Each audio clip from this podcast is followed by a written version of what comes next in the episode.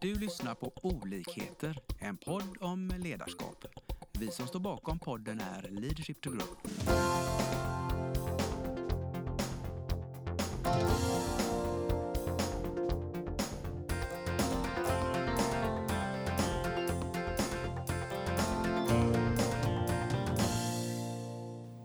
Hej och välkomna till ytterligare ett program i våran podd.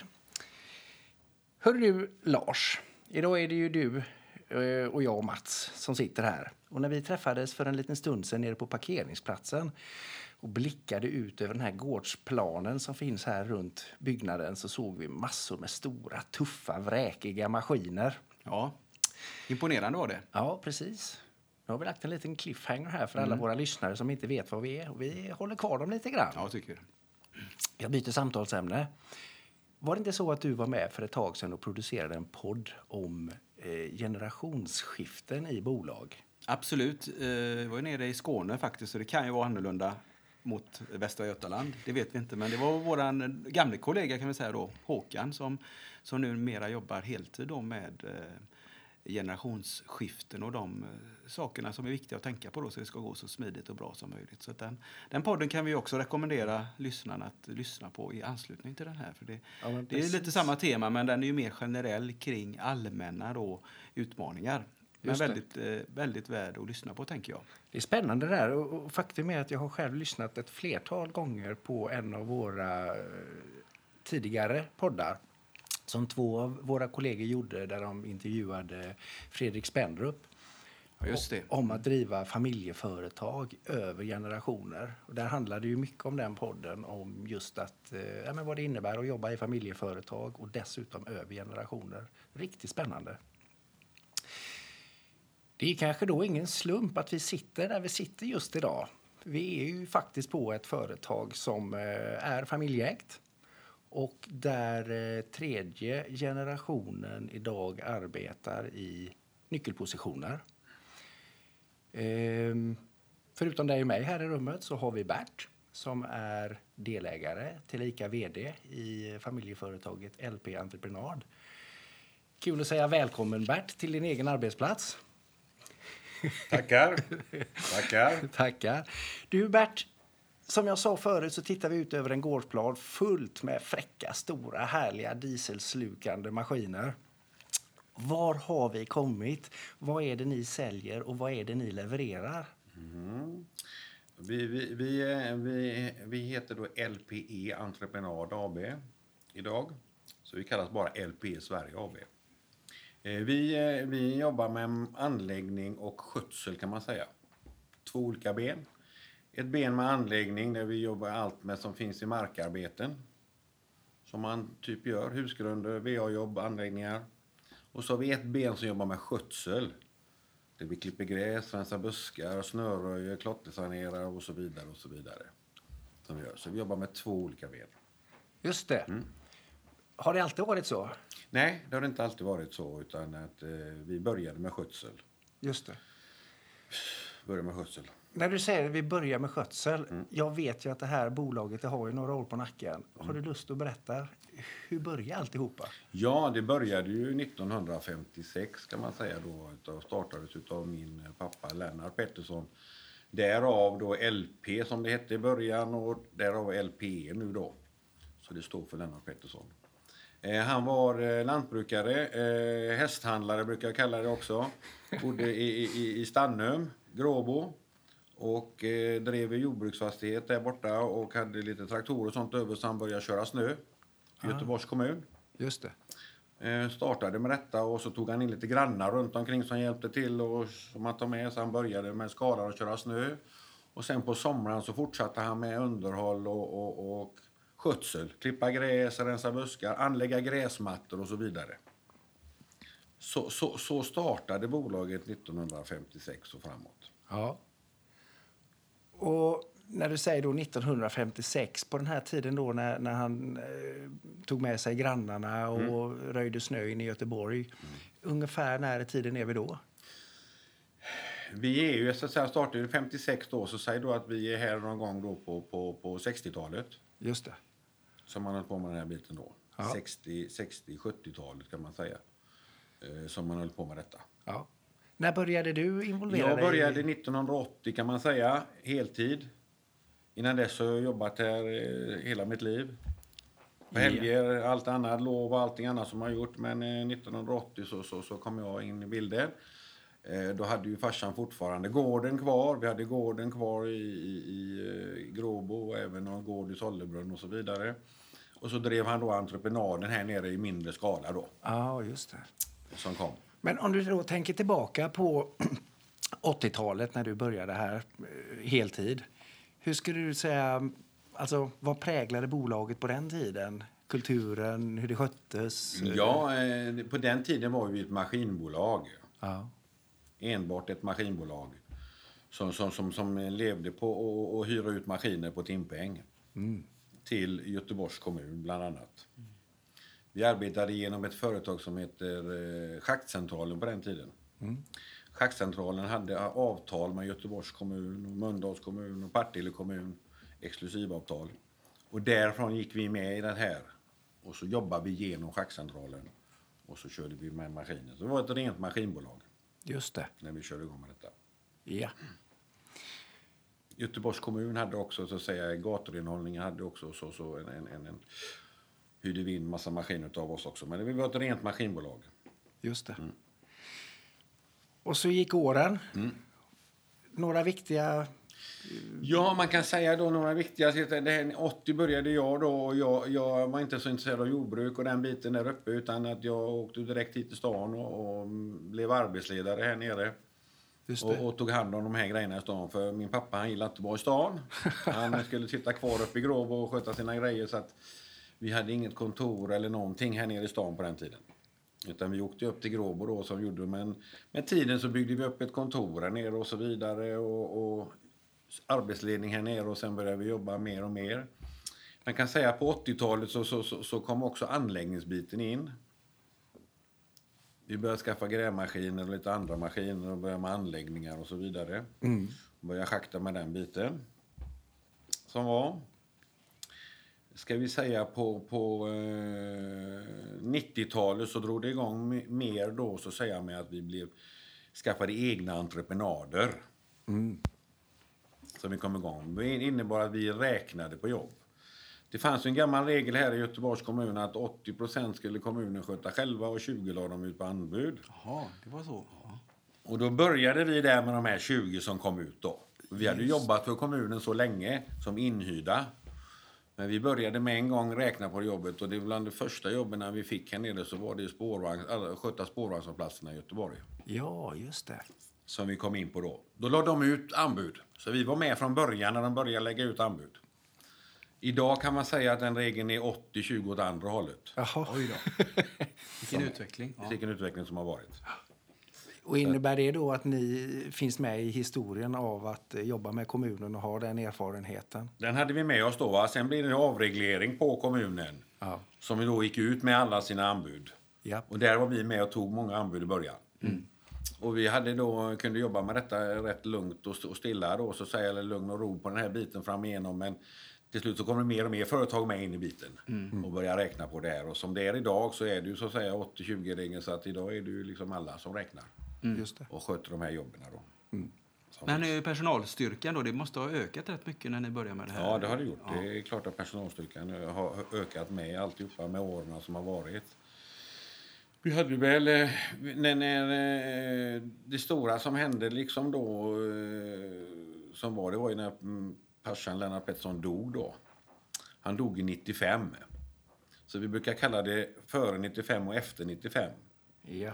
Eh, som var då. Och, och när, när farsan dog på den tiden då så, säga, så, så, så, så var vi cirka 40 anställda och vi omsatte 40 miljoner.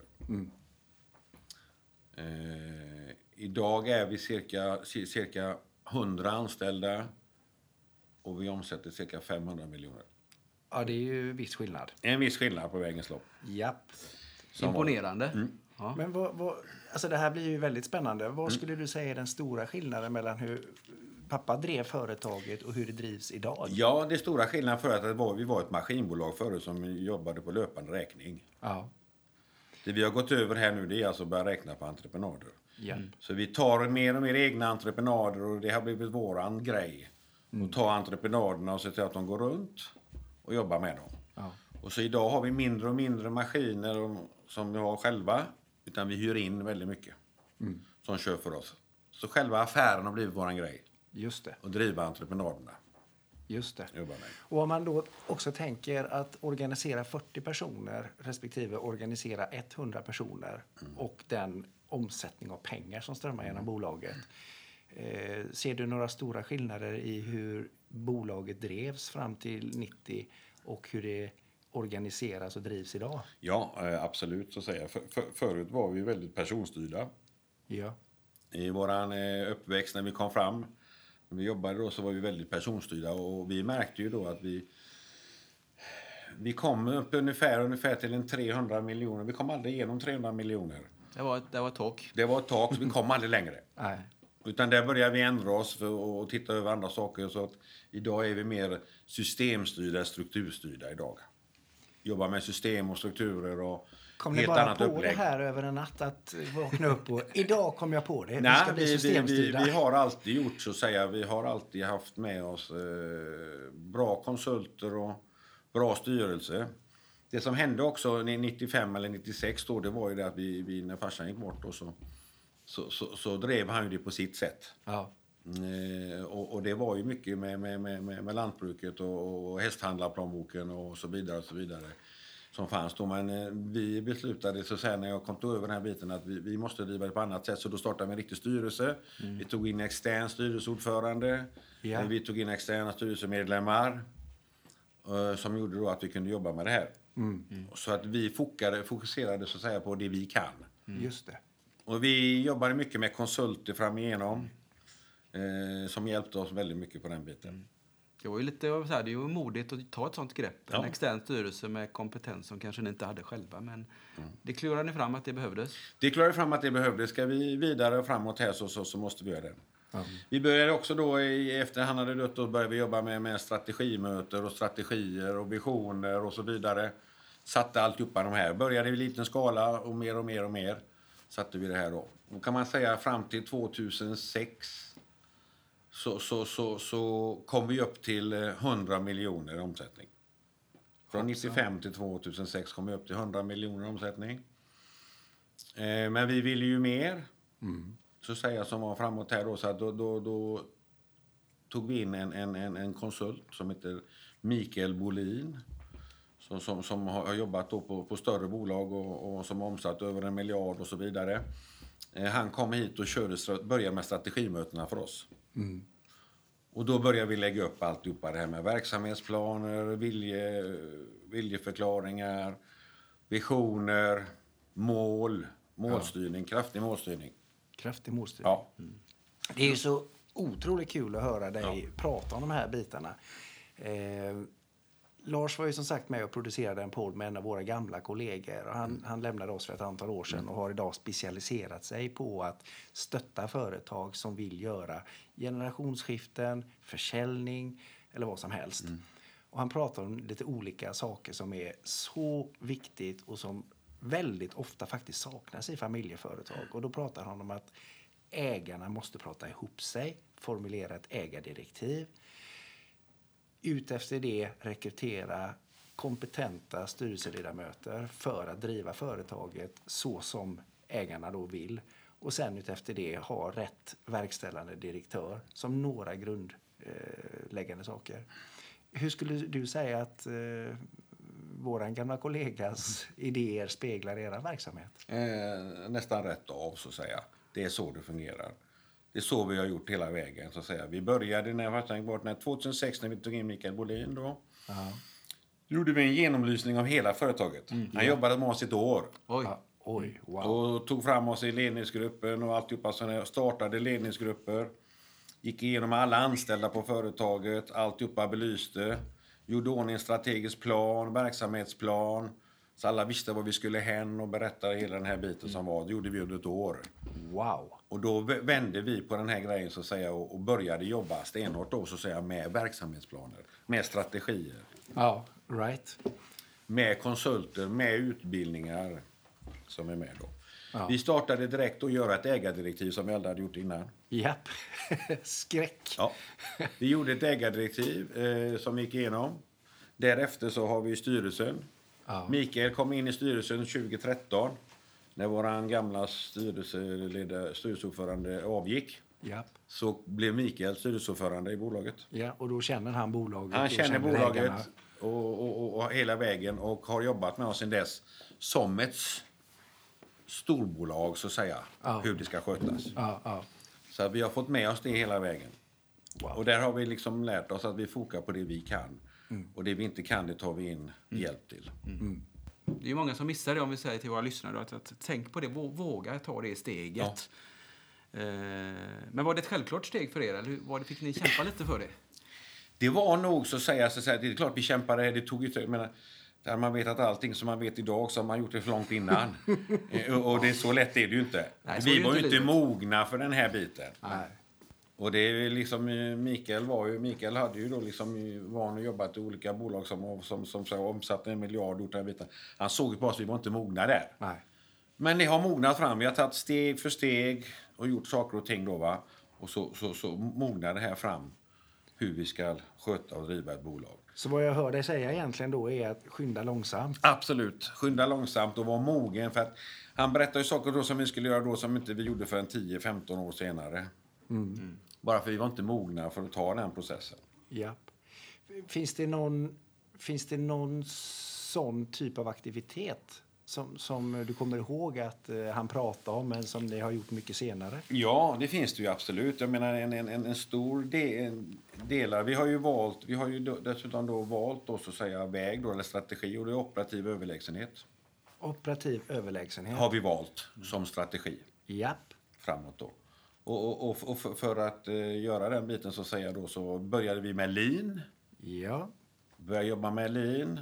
Som de stora bolagen har gjort, så att säga, bilbolagen och alltihopa. Och det gjorde vi 2017 tror jag vi började med det.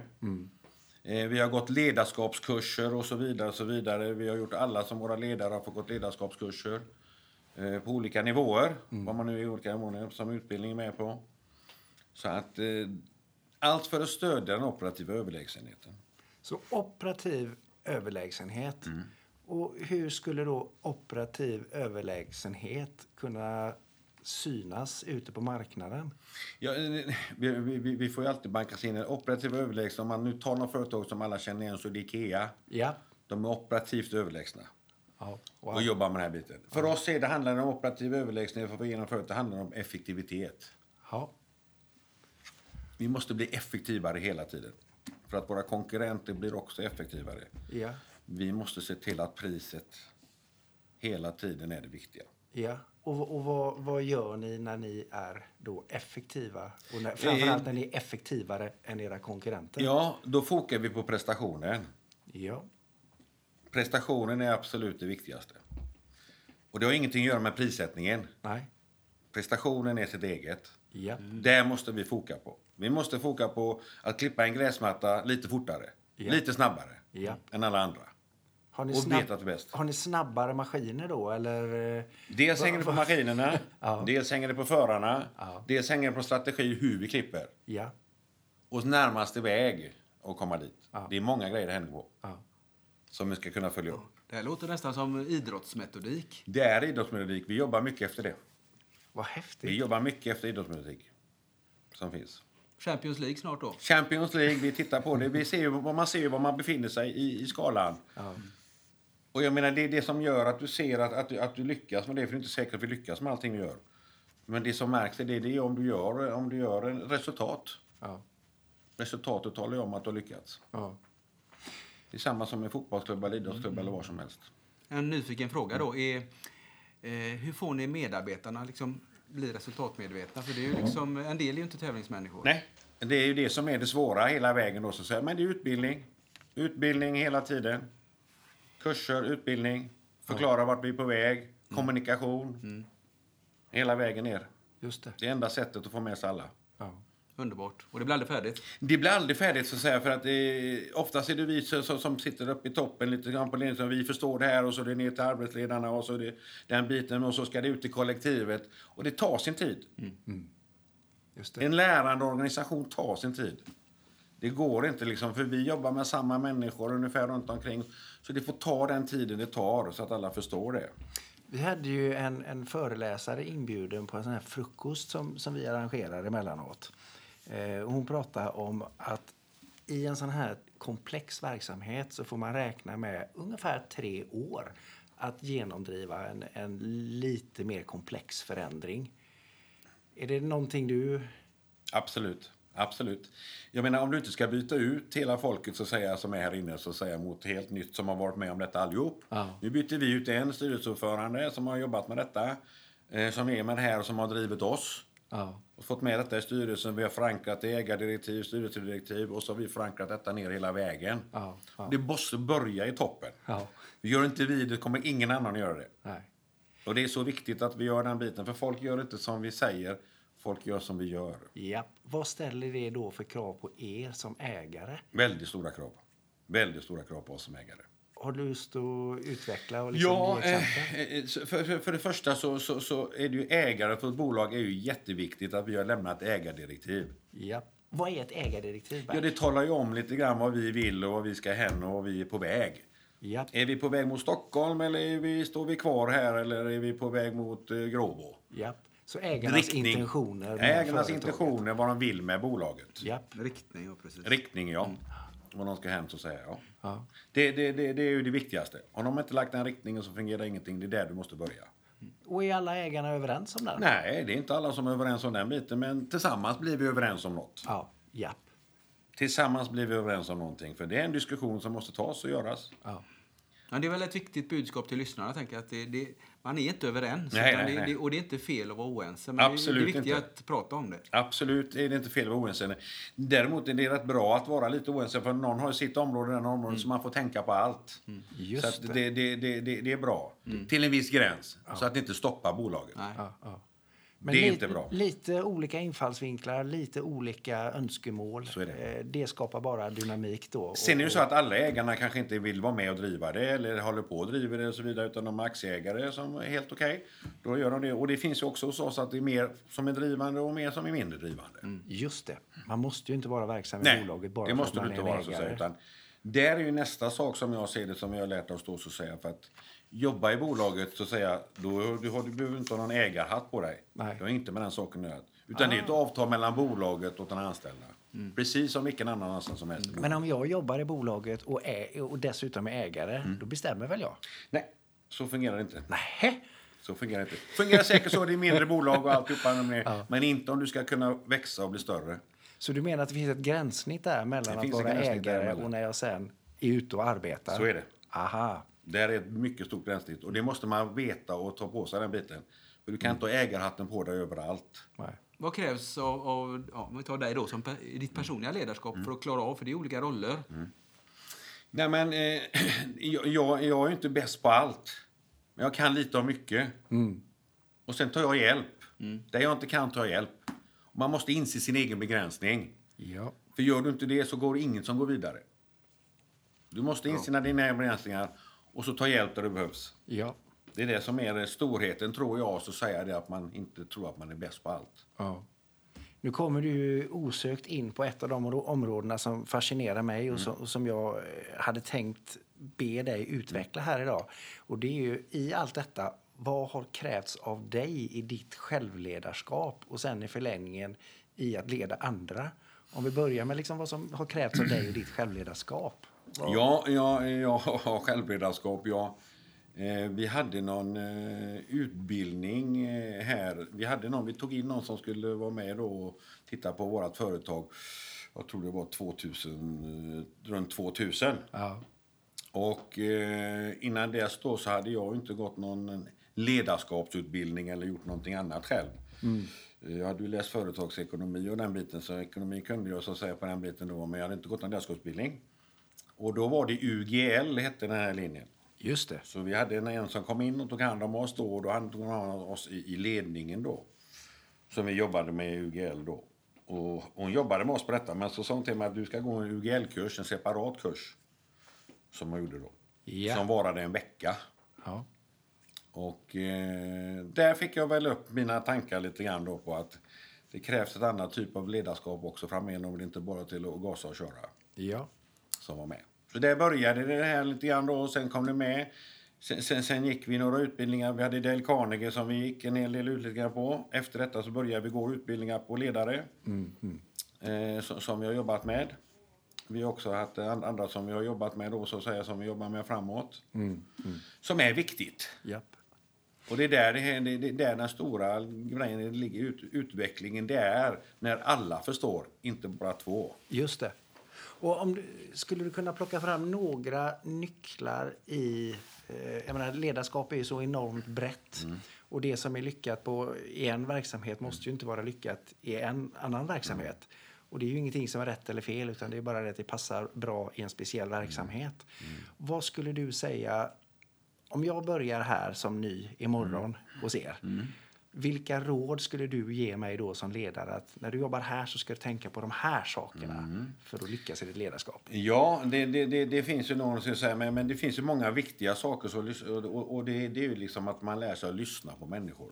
Lyssna. Lyssna är väldigt viktigt. Ja. Lär dig lyssna, ta in. Framförallt om du är ny.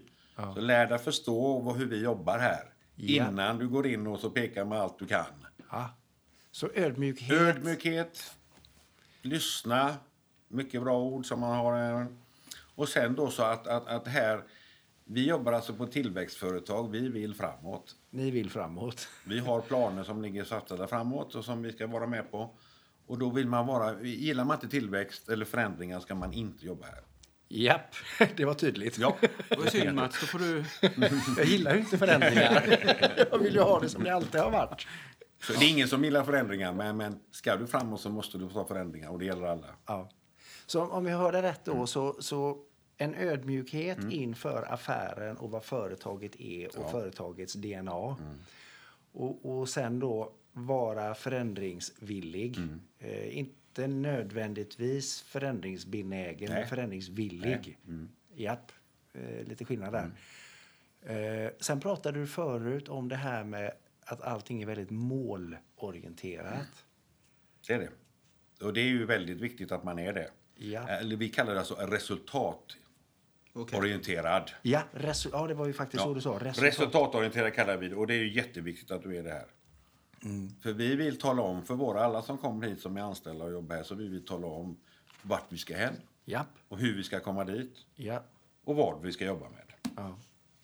När, du- när du använder de orden Mm. så, så tänker jag direkt vart vi ska, visionen, Mm. hur vi ska dit, en affärsplan. Eh, och sen så brukar jag ha med en tredje parameter och det är att om vi då har riktningen och hur vi ska komma dit Ja. så finns det också någonting som kittar ihop oss och det är våra gemensamma värderingar Mm. som då utgör företagets gemensamma värdegrund.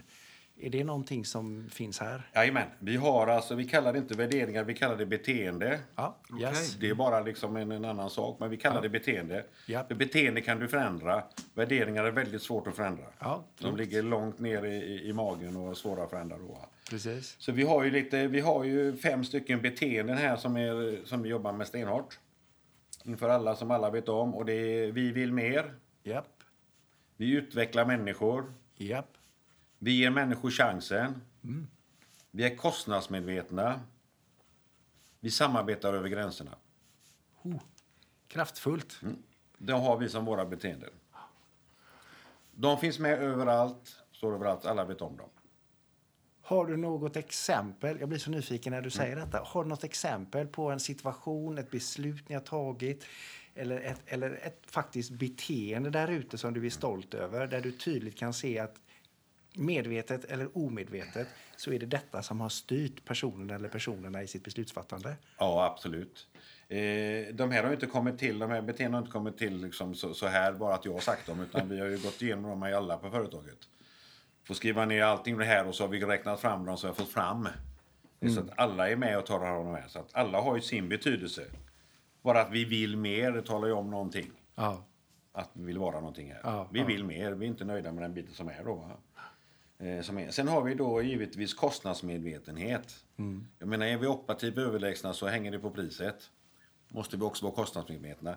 Så vi har alltså en, en, en plan igenom det här varför vi har de här uppe och finns då.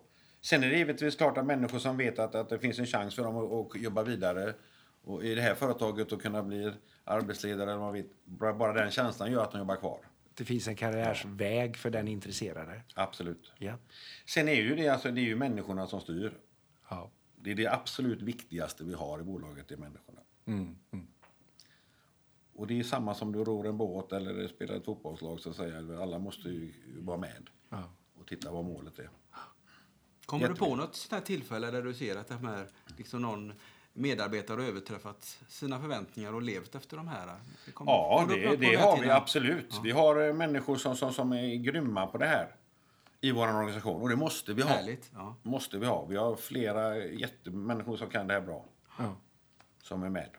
Och det är det vi letar efter. Vi styr ju alltihopa detta idag då. Med vi, våra nyrekrytering och allting så styr vi på detta. Mm. Dessa beteenden vi vill ha då. Just det.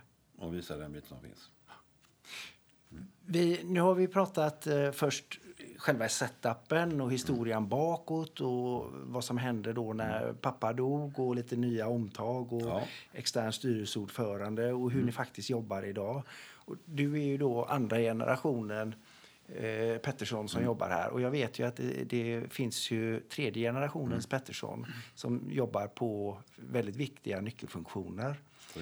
Vad tänker du runt eh, just det här med tredje generationen och vägen framåt?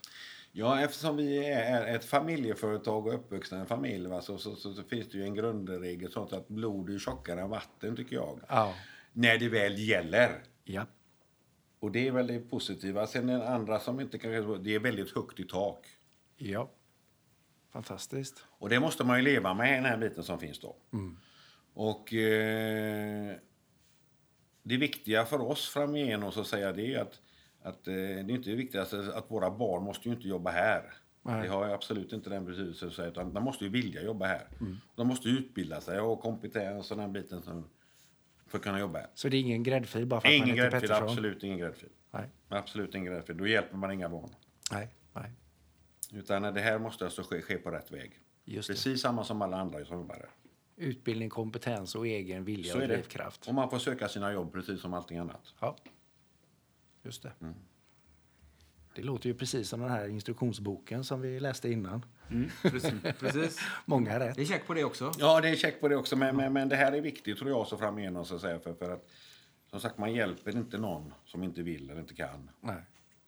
Men, men, eh, ja, men det är ju som du sa här inledningsvis att det här är ju ingenting som bara skett över en natt utan jag hör ju att det här har ju varit en jätteprocess. Eh, med, med eh, mycket, ska vi säga, prestigelöshet där ni har vågat plocka in experter, omgett er med, med kloka människor som har gett er goda råd uppenbarligen. Men också då en, en eh, stark egen drivkraft åt vad vi vill. Men fått hjälp att paketera det Så är det. och kanske i viss mån diskutera det. Ja, Absolut, det är det. Och, och, och det är det det handlar om. Så att säga. Men, vi är inte bäst på allt, men kan vi vara bäst på det vi gör ja, ja så har vi en stor styrka där. just det. Sen behöver vi hjälp på vägen. Det är bara så. Till slut när du går här så får du dina skygglappar och du tittar inte på rätt sätt och du lyssnar inte på rätt sätt. Och Där är det utbildning väldigt viktigt att vara med. Just det. Ja, det kan jag tänka mig. Mm. Och rätt människor givetvis. En fråga som poppar upp på min näthinna som eh, lite utifrån den podden jag gjorde nere i Skåne då om, om eh, det, var det var ju mycket problem eller utmaningar där. Eh, Men du sa ju ett nyckelord här när man talar andra, tredje generationen. Hur kan man skynda på den här processen att eh, nästa generation, för de måste ju vilja det här, de kan inte tvingas in i, i det. Nej, nej, nej. nej. Finns det några nycklar där för att liksom få vilja och stolthet och de här parametrarna som Ja, tänker med? jag, jag har ju en bra historia då så att säga som, som när jag växte upp då. För att jag gick i skolan och så kom jag hem till farsan då va, och så sa jag till farsan du jag vill bli pilot. Det var min högsta dröm att bli pilot. Japp. Då tittade han på mig så skrattade han så sa han du det närmaste pilot du kommer att komma det är traktorförare. Så att, eh, Krasst. det fanns inget val Nej. i den utan han hade ju stakat ut vad jag skulle göra givetvis och hjälpa till med och den biten som var då. va. Så att det fanns inget val just då alltså, men, men jag ångrar ju inte det idag. Herregud, jag har haft det bra haft det fantastiskt bra på den sättet då. Men när mina barn kom så, så var det fullständigt klart för mig att jag skulle inte se till att de måste inte jobba här. Ni får göra precis vad ni vill. Ja. Absolut. Och ta chansen nu och gör vad ni vill. Sen klart har de ju jobbat här. De har ju följt mitt DNA lite grann. Jag har varit här på somrarna och sommarjobbat och de har velat hjälpa till alltihopa. Ja. Och komma igång. Så att de har ju velat göra detta själva. Så det har de fått välja helt och hållet själva. Så bara till dem, ska ni jobba här och vara med på den biten och vill någonting så måste ni utbilda er Ja. på det som är. Det är inget snack om saken. För det är ingen som har någon gräddfil in. Utan ni måste utbilda er på den biten som blir. Och jag hade tur där så säger jag att, att en ville jobb, jobb, bli arbetsledare och jobba med mark och anläggning och en vill jobba med ekonomi. Ja. Och de gick sina utbildningar och kom tillbaks och, och fick jobb. Ja. Vilka komplement. Ja, Kul. som är då. Ja, men det är ett jätte, för våra lyssnare det är ett väldigt viktigt råd att liksom hjälpa, Ja. släppa fritt Ja. så att viljan kommer inifrån Ja. var, och en. Liksom. För det går Absolut. inte att tvinga på. Nej, det går inte. Det går inte. Så här, för jag kände mig när jag en gång fick, jag ville bli pilot, det fick jag inte. Och då kändes det lite halvt sådär. Men, ja, så var det ju, man tänkte inte mer på det.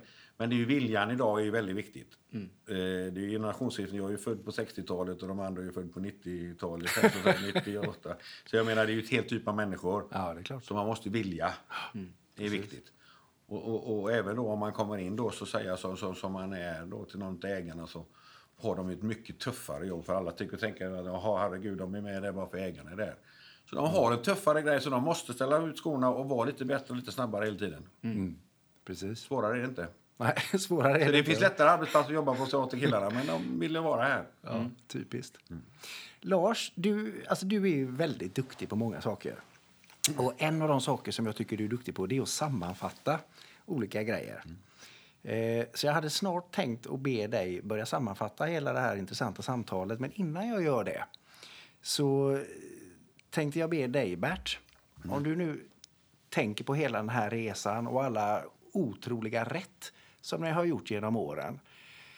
De som nu sitter där ute och nyfiket lyssnar på podden, vilka råd skulle du vilja ge dem som driver sina familjeföretag för att ja, men, få en så bekväm vardag som möjligt? Det finns ju olika typer av familjeföretag och sånt som är där borta. Eh, Det råd jag vill om man ska framåt här va, så, så, så, så, så, så måste man ju tänka på bolaget först. Bolaget först. Bolaget först. Och, och vi är alltså brickor i ett spel. Är det ägarna du pratar om? då? ägarna eller vi som jobbar i bolaget Ja. överhuvudtaget. Så vi, vi, vi, vi är brickor i ett spel här. Ja. Bolaget är ju det viktigaste. Bolaget ska ju kunna överleva. Bolaget har massa anställda som betalas ut löner till varje månad och så vidare. Och så, vidare. så det viktigaste för oss är bolaget. Ja, så inte att jag själv då skulle vilja ha en fräckare bil? Absolut inte. Nej, bolagets Absolut bästa. Bolagets bästa ett. i alla lägen. Ja. Om man alltid tänker så, Ja. att det är bolagets bästa, så är det väldigt lätt att fatta beslut. Ah. Just det. Om man tänker i de banorna så är det väldigt lätt att fatta beslut. Mm. Och då brukar det gå bolaget bra så går, det brukar det gå bra för en själv också. Just det. Som finns. Just det. Så släppa fokuset på mig själv Ja. och mina egna angelägenheter Ja. och så tänka bolagets bästa. För då blir det förmodligen bra för mig också. Så blir det bra för det mesta, så säger jag då. För då är det mycket lättare att fatta beslut här i livet. Bra. Någon annat du skulle vilja skicka med? Den här är ju klockren och Ja, helt den, central. den, den, den, den är viktig, så säger jag. Tror det för allihopa då. För att eh, när du väl jobbar i bolaget så jobbar du på din position. Som finns. Just. Inget annat. Ja. Du kan inte lägga in något annat där bara för den biten om du äger eller inte. Utan du jobbar på din position och du ska sköta din position. Och för att klara den biten och, så säga, och, och renodla den så tror jag det är viktigt att man gör det. Du får en renodling på den du, och du jobbar med detta. Just det. Ditt uppdrag är det här. Japp. Så är jag arbetsledare, oavsett om jag är ägare Ja. eller inte, då, så lägger jag mig inte i andra frågor. Så är det. Eh, och är jag eh, ekonomichef så går jag inte in i det operativa Nej. och börjar säga att de ska köra traktorn hit eller dit, utan jag håller mig till den biten. Så är det. Och sen när, jag är, när vi har ägarmöte, då kan vi ta de stora Då övergripande tar vi ägargrejerna och, och, och du äger aktierna och bolagsstämman och alltihopa, men inte i bolaget. Så rätt frågor i rätt forum. Det låter ju också då som en väldigt viktig nyckel. Absolut. Det, Yes. det, det, det, är det absolut framåt. För du kommer, när du kör på det gamla sättet så, säga, så, så, så när du har personstyrt och alltihopa, då kommer du bara till en viss gräns. Ja. Bolaget växer inte mer, du känner att du kommer inte längre och det kände vi. Ja. Vi var tvungna att göra någonting, för vi ville mer, men vi kom inte längre. Japp. Strukturstyrt, systemstyrt, ta andra, andra följ med, ta in nytt folk, lita på dem. Två värdefulla nycklar där. Finns det något mer råd du skulle vilja skicka med våra lyssnare? Ja, ja eh, det, det, det, det är ju så då att eh, jag har ju hört en väldigt bra grej. Det var någon som frågade någon så säger jag då att, eh, att eh, du som sitter på toppen på bolaget, blåser det inte väldigt mycket? Har du inte mycket problem med alltihopa? Jo, sa de, att vi har jävla mycket problem med en jävla fin utsikt också. Ja. Vilket avslut. Grymt avslut. Ja. Så kan man säga. Det blåser mycket när du ska vara uppe och du får vara med och ta saker och ting. men det är. Men det är fin utsikt och trevligt att vara där. Där, där har vi titeln. Ja, det, precis. Ja. Men du Mats, du var ju med och sammanfattade. Jag tycker du sammanfattar ju rätt bra, eh, Bert. Jag vill väl bara förtydliga lite. Är det okej? Eller vad jag har fångat upp då. Men för just det som var barriärbrytande när det började växa efter var 95 någonstans. Det ja. var just att ni hade modet att börja tänka större, tänka långt fram, våga ta hjälp. Det var väl ett sånt där, Absolut. en nyckel som Absolut. fångade upp eh, tidigt i vårt samtal. Och våra mål. Ja. Vi sätter mål hela tiden. Precis. Måldrivna, resultatdrivna. Ja. Drivs som en eh, idrottsförening som vill, vill framåt. Liksom. Absolut. Och sen är tillväxten just att jobba genom alla människor, att alla är med. Så det är väldigt mycket kommunikation av målen, Mm. kommunikation av resultatet som egentligen aldrig tar slut. Nej, det är Eh, fortsatt så- bara. Ja. Och sen har ni gjort eh, liksom hemläxan med det här enligt skolboken, ska jag säga, med vision, värdegrund kallar inte ni, ni kallar det beteende, Ja. men där, där verkar ni vara väldigt hårda på det och tydliga. Ni kör de här fem beteendena och, eh, ofta och med alla. Eh, ni är väldigt affärsinriktade. Eh, så att eh, det är liksom inte, målen är kopplade till affären. Och sen det här sista som jag tänker vid generationstänket är att, att hitta då in i hjärtat på, på människor att, att man vill vara här. Eh, och det är en process i sig att gå från att tvingas till att vilja och att, att man inte åker in på ett bananskal då, utan man får jobba sig till de kompetenserna som behövs. Det var väl egentligen eh, det det. Glömde jag något? Nej, det, jag tycker vi- du sammanfattar det bra. Jag får ju lust att söka jobb. Ja, Det låter jättekul att jobba här. så, så är det. Ja. Vad fint. Men eh, med det då så tycker jag att vi har fått ställa alla de här frågorna som vi ville. Och eh, supertack Bert att vi fick lov att komma hit och titta på alla tuffa maskiner och sitta och prata med dig så här. Tack själva, det var ju kul att få vara med på en podd. Ja. ha det gott alla lyssnare. Hej med er! Vi hoppas att vi har väckt tankar om hur du kan utveckla och stärka ditt personliga ledarskap. Följ oss gärna på våra sociala medier där vi heter Leadership to Grow. Om du vill ha mer inspiration och verktyg, gå in på vår hemsida leadershiptogrow.com. Tack för att du lyssnar.